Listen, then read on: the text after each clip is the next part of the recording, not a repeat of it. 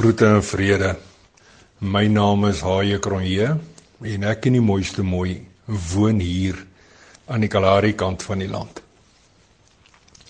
Die droom se storie. Die 19de vers van Genesis 37 in die Nuwe Lewende Vertaling sê slegs: Hier kom daardie dromer, het hulle uitgeroep. Een laat Sondagoggend so 'n klompie jare gelede klop een van Nonipit se vrouens aan die kombuisdeur. Na die groet en navraag na almal se welstand sê sy met 'n groot opgewondenheid in haar stem: "Pastoor goed, ek wil maar net kom sê ek het so kort voor sonop gedroom. Ek het prentjies gesien van 'n klomp manne, groot manne pastoor wat hier op die werf besig is om 'n dak van 'n groot gebou op te sit. 'n Plek waar ons kan sing en kan kerk maak." Hoe, die plek is so groot dat ons selfs ons mooi goedjies daar kan maak. En sy haal diep asem en terwyl die vreugde uit haar sielskykers vloei, gaan sy voort. Ooh, ek kan nie wag nie. Dit gaan tog te lekker wees om ons eie plek te hê. Skielik is dit grafstil in die kombuis. Dit voel kompleet asof my wêreld stil staan.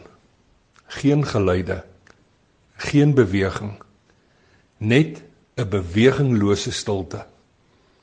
Selfs die silwerketeltjie op die gasstoof kook gruisloos op die ysblou gasvlam.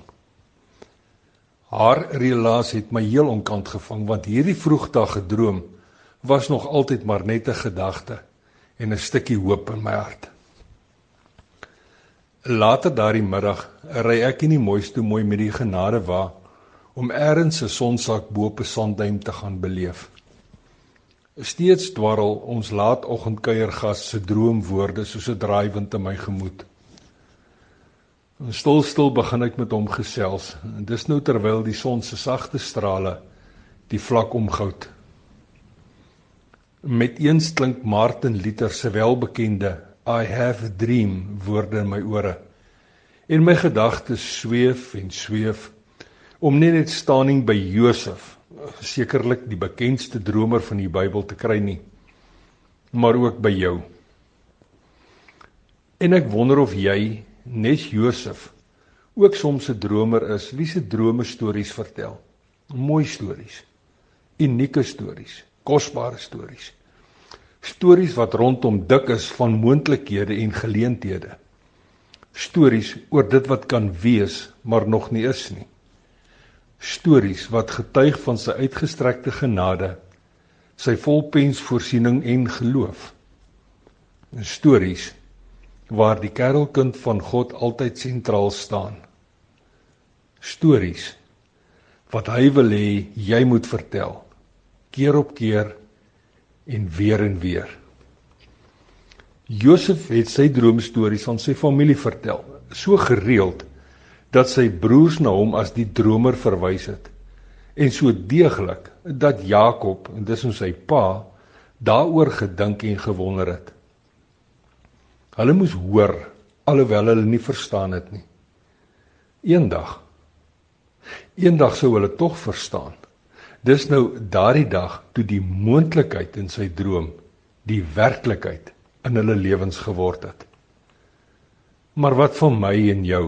Wat van ons? Wel, soms laat die Here ons droom soos 'n kind. Want soms is dit nodig dat ek en jy ons siele moet vind. Soms is die lewe voorware fees, want soms is ons drome verhale van dit wat kan wees. Soms moet ons ore dit hoor en eers dan is die verantwoordelikheid verby en oor. En as jy wonder oor die gebou in ons laatoggendkuiergas se droom, wel, kom kyk maar self. Die Kapekkie sentrum, Kapekkie beteken baie, dit beteken oorvloed, meer as genoeg en te veel staan op Nunipad. Vir dit wat lank net 'n gedagte en 'n stukkie hoop in my hart was, het voorwaar 'n werklikheid geword. Nou ja toe, tot 'n volgende keer mooi loop en sonkorrel baie seëninge